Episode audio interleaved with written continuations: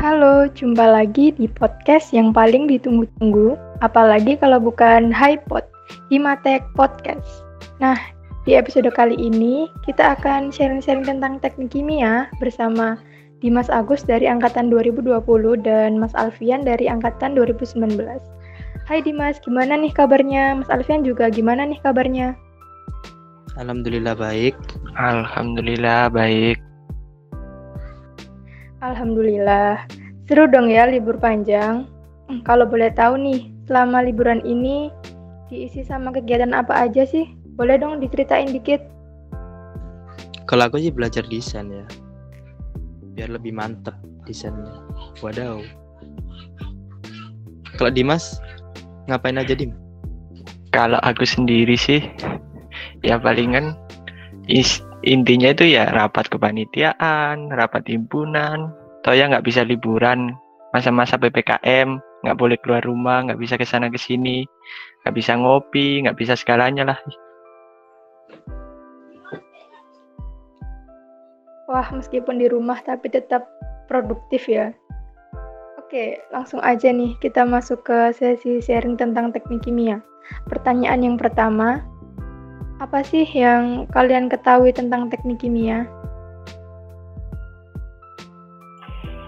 Eh, kalau dari aku sih, menurutku teknik kimia itu kayak eh, salah satu jurusan yang mempelajari eh, bagaimana kita mengolah suatu bahan itu baik bahan organik maupun bahan anorganik menjadi suatu produk yang memiliki nilai guna.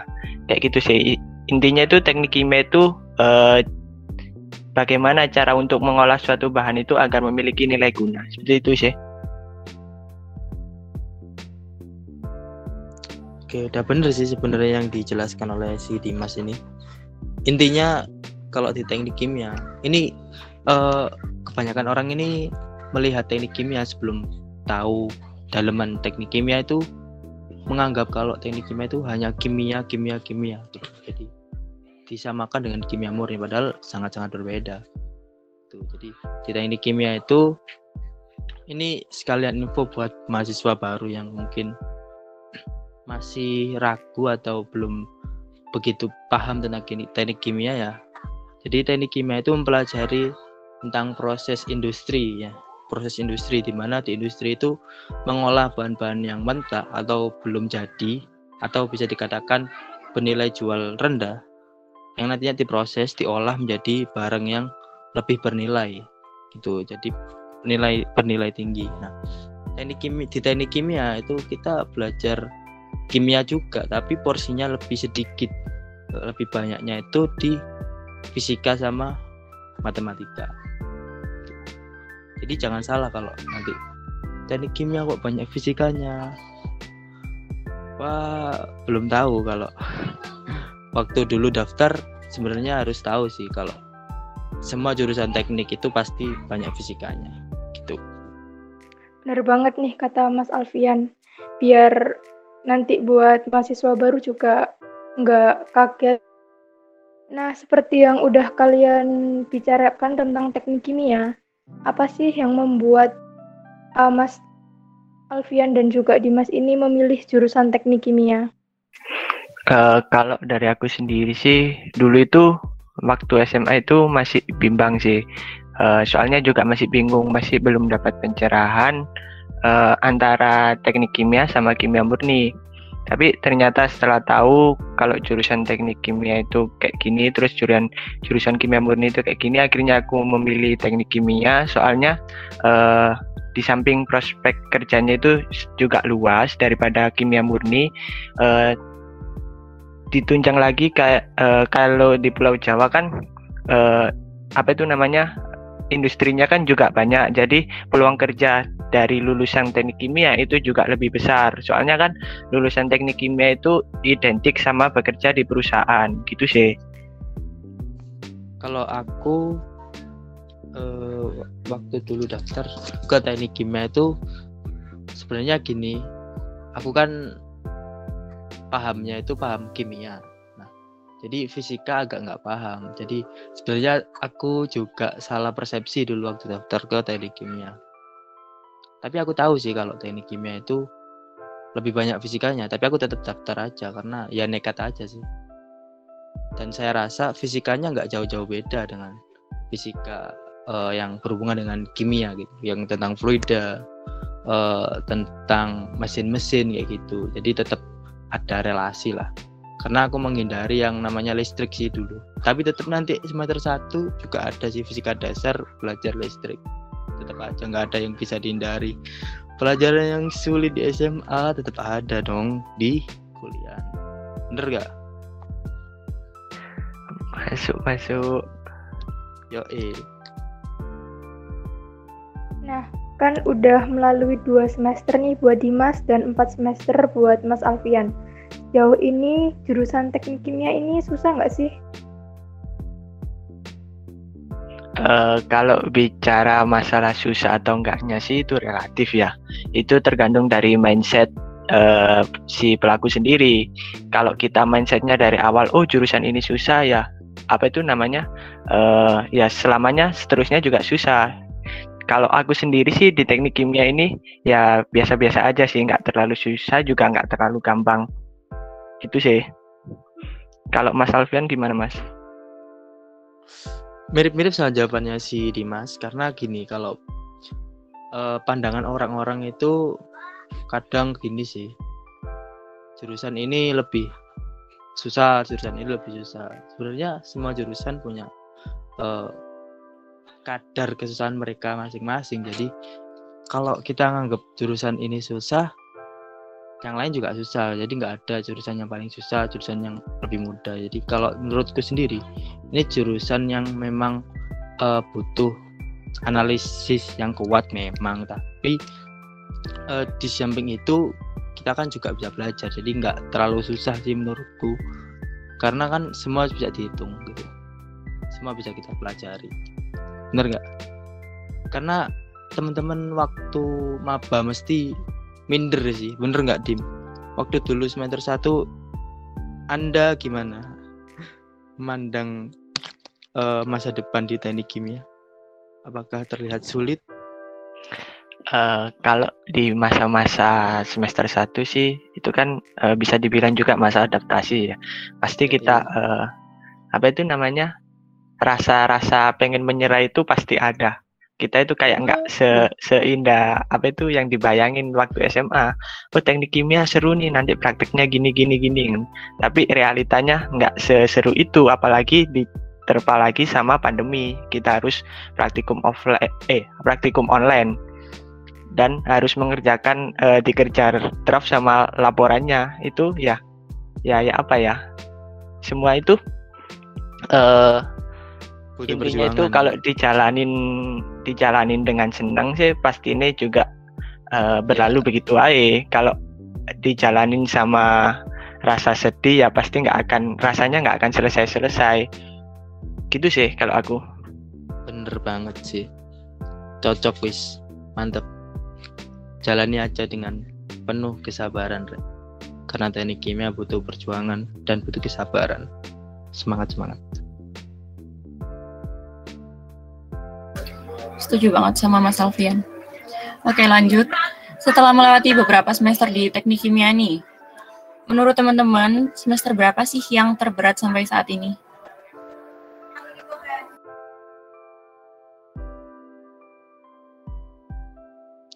Uh, kalau dari aku ya, aku kan sudah menempuh empat semester. Selama empat semester itu, kalau menurutku yang paling berat ya semester 2 sih.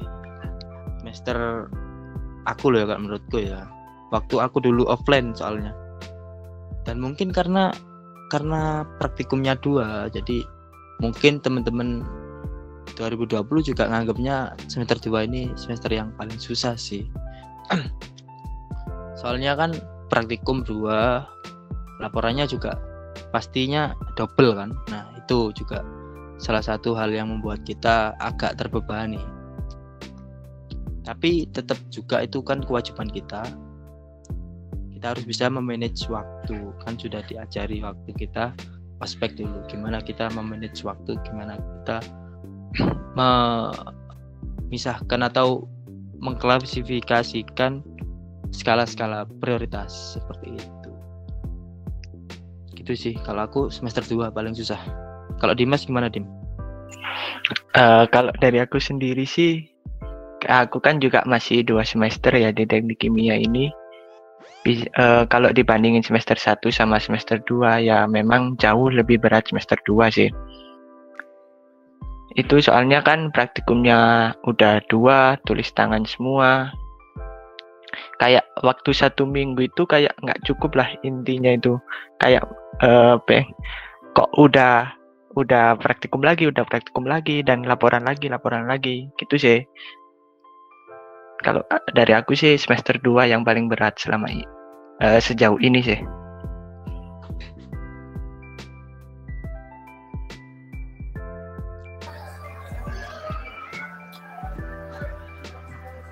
Oke. Okay. Uh, ketika kuliah ini kan pasti ya ngerasa perbedaan, ada perbedaan dengan masa-masa SMA bisa dijelasin nggak perbedaannya kalian rasain itu gimana sih? Uh, kalau perbedaan sendiri sih dari itu juga sih pertama itu dari uh, apa itu namanya dari ilmu yang diterima. Contohnya itu kalau di SMA kan mata pelajaran itu masih bisa dinalar, terus masih bisa dinganu. Kalau di kuliah itu uh, mata pelajarannya tentunya bobotnya lebih sulit. Jadi itu kayak diperdalam lagi. Terus yang kedua itu dari uh, pertemanan. Kalau pertemanan di SMA sih kita masih evan-evan aja sih. Jadi itu kayak uh, masih belum menemukan kayak suatu uh, konflik yang membuat kita itu bisa berdiskusi lebih. Tapi kalau di kuliah itu kita menemukan pertemanan yang sebenarnya. Jadi itu kayak uh, kita diuji uh, suatu konflik yang ada mungkin dalam suatu angkatan atau suatu apa itu kita jadi kayak uh, lebih raket lah intinya itu dalam menyelesaikan masalah tersebut intinya itu uh, perbedaannya kalau SMA itu masih belum terlalu raket sih. Soalnya masih belum uh, konflik yang terjadi itu masih belum serius. Kalau di dunia perkuliahan itu konflik konfliknya itu lebih serius. Jadi kita uh, interaksi antar teman itu juga lebih raket intinya itu. Kayak gitu sih. Ya bener sih. Kalau di SMA dulu kan ya memang seperti yang dikatakan si Dimas kurang raket karena itu tadi kurang konflik dan kurang menyelesaikan case-case gitu. Kalau di kuliah itu ada pepatah gini sih, uh, kurangi, ah kok kurang, ya kurangi kompetisi, perbanyak kolaborasi bener nggak? Jadi kalau dulu SMA kan kita kompetisi mulu kan ya tentang ranking dan sebagainya. Kalau di kuliah oke okay lah kita bersaing secara fine tapi juga nggak bisa loh kita berdiri sendiri di kampus nggak bisa bro. Kalau teman-teman di kelas sendiri ngejakan ya memang kalau pinter sih bisa tapi tetap butuh teman. Karena aku aja kadang ya kalau ngerjakan tugas itu sama teman-teman meskipun tugasnya individu karena kenapa karena kita perlu yang namanya diskusi karena tiap anak kan punya perspektif masing-masing gitu. Jadi kalau kita diskusikan kita bisa kolaborasi bisa, kita bisa uh, menemukan ide-ide kreatif yang uh, mungkin tidak terduga gitu. Di terus kalau waktu SMA ya memang pelajarannya belum terlalu kompleks. Belum terlalu uh, susah sih. Dalam artian gini, sangat-sangat signifikan perbedaannya itu terlihat di ini sih. Kalau kita perhitungan contoh kalau SMA itu kan matematikanya matematis yang sederhana nggak sih? Kayak koma-komanya itu nggak terlalu ribet kan kalau kuliah koma-komanya banyak pertama itu. Terus kita harus uh, pandai untuk berasumsi. Nah kalau sudah semester atas kayak semester 3 4 itu kadang hitungannya itu asumsi. Jadi nggak pas. Bayangin matematika kan harusnya ilmu pasti kan ya. Bener gak harus kalau tiga ya harus tiga. Nggak boleh empat. Tapi kalau matematisnya di kuliah teknik kimia ini itu nggak harus bahkan kalau pas sama persis dikira nyontek malah. Karena nanti kita kan baca grafik dan lain sebagainya itu tergantung dari cara pandang kita. Dengan mengira-ngira skala di grafik itu sekitar berapa sih ini itu terus ada perbedaan lagi sih kalau sumber belajar. Bener nggak? Kalau dulu Dimas ada les nggak Dim? Kalau SMA Eh, kalau aku sih ada sih mas. nah itu sih. Karena dulu SMA itu kan kita bisa les ya. Kuliah nggak ada les loh. Jadi ya itu tadi diperbanyak kolaborasi kan. Kolaborasi dengan teman-teman. Karena dosen ya cuma ngasih PPT kadang. Kalau online gini kan dikasih PPT kadang. Cuma dijelasin secara eh, umum lah. Nggak secara rinci gitu. Kadang ya cuma dikasih literatur suruh baca buku ini nanti dikasih tugas. Nah kalau kita cuma belajar baca buku tanpa diskusi dengan teman malah nggak bisa. Karena kadang eh, apa yang dipahami kita itu belum tentu benar gitu. Jadi perlu dievaluasi dengan teman-teman berkelompok gitu. Karena makanya kalau di kuliah itu banyak organisasi banyak interaksi gitu. Ya itu tadi buat yang pertama ngasah soft skill terus em, biar kita juga terbiasa untuk teamwork. Karena kan orientasi anak kuliah kan ke dunia pekerjaan pastilah itu. Orientasi anak kuliah itu dunia pekerjaan yang eh, di situ nanti kita bakal menemukan banyak masalah yang tentunya harus kita selesaikan bersama. Meskipun tanggung jawabnya masing-masing tapi kita harus bisa diajak teamwork bekerja sama. Seperti itu.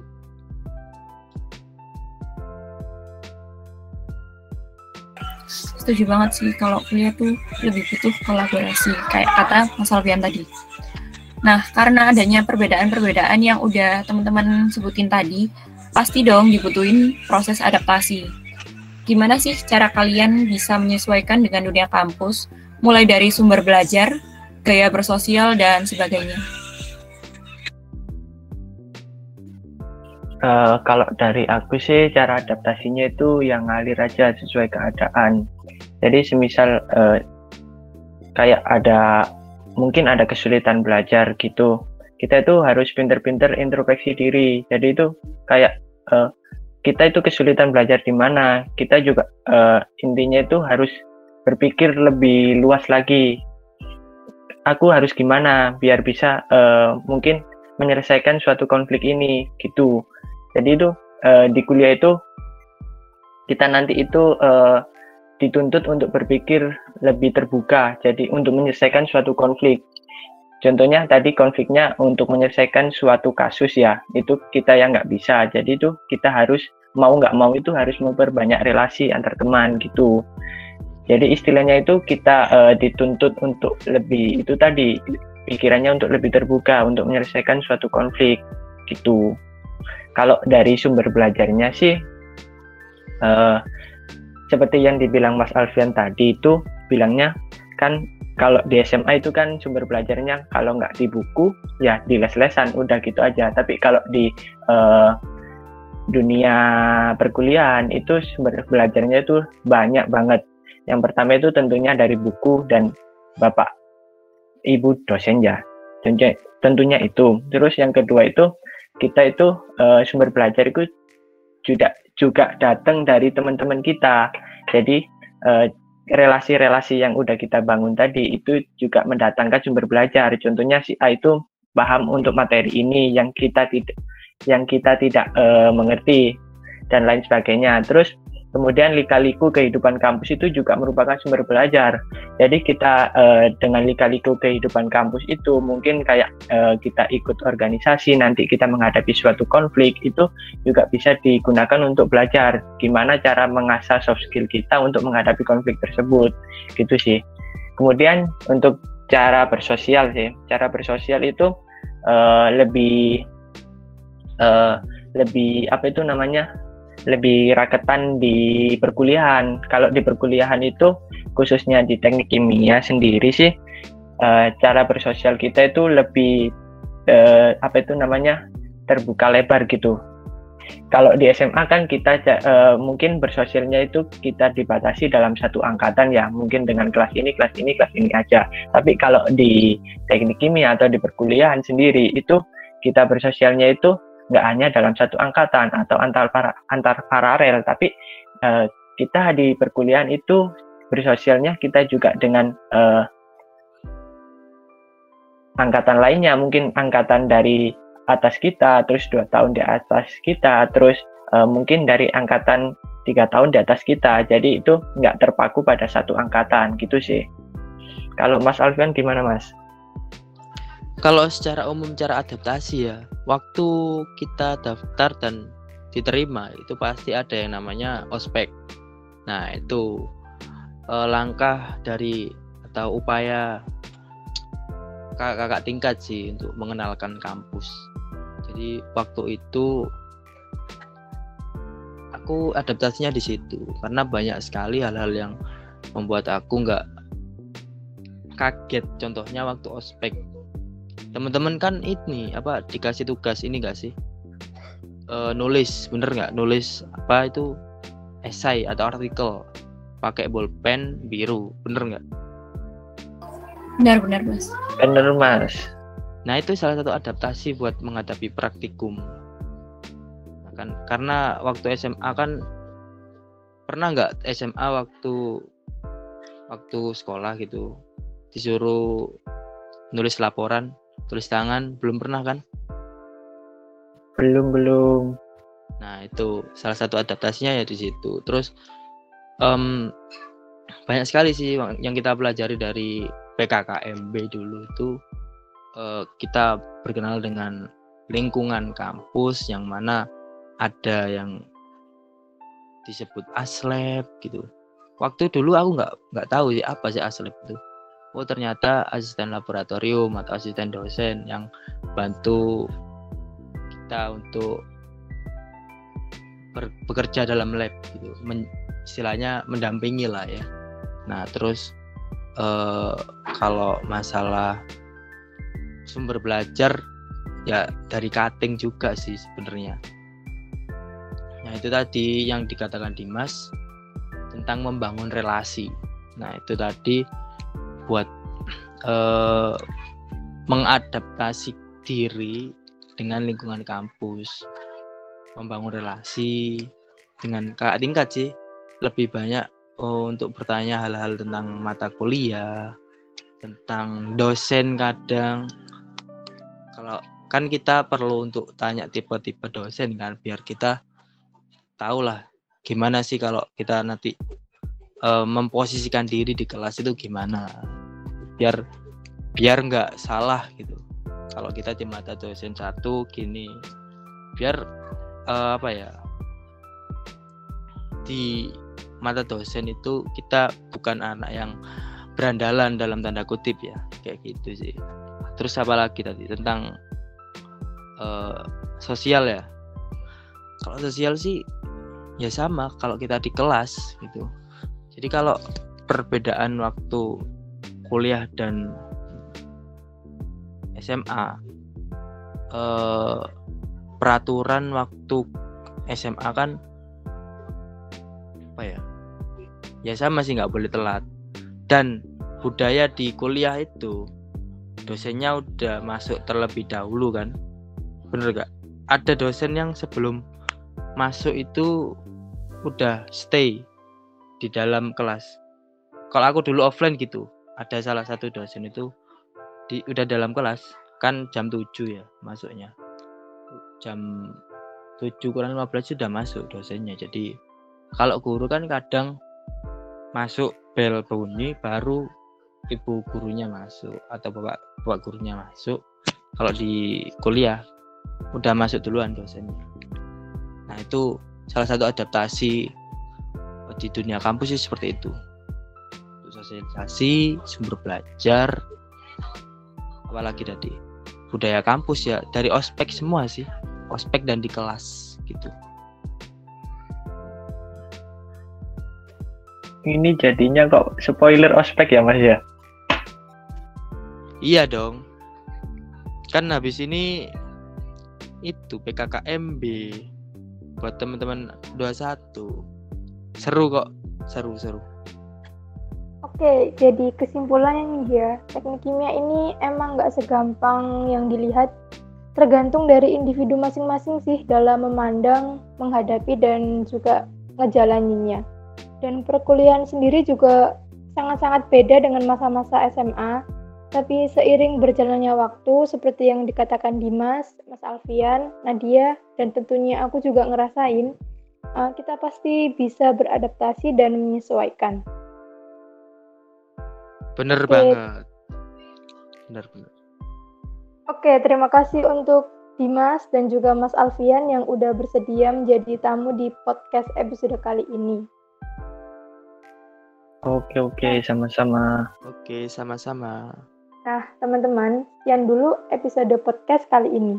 Sampai jumpa dua minggu lagi. Selamat berlibur yang tentunya di rumah aja ya. Jangan keluar rumah kalau tidak berkepentingan. Dan tetap patuhi protokol kesehatan. Stay safe, stay healthy teman-teman. See you.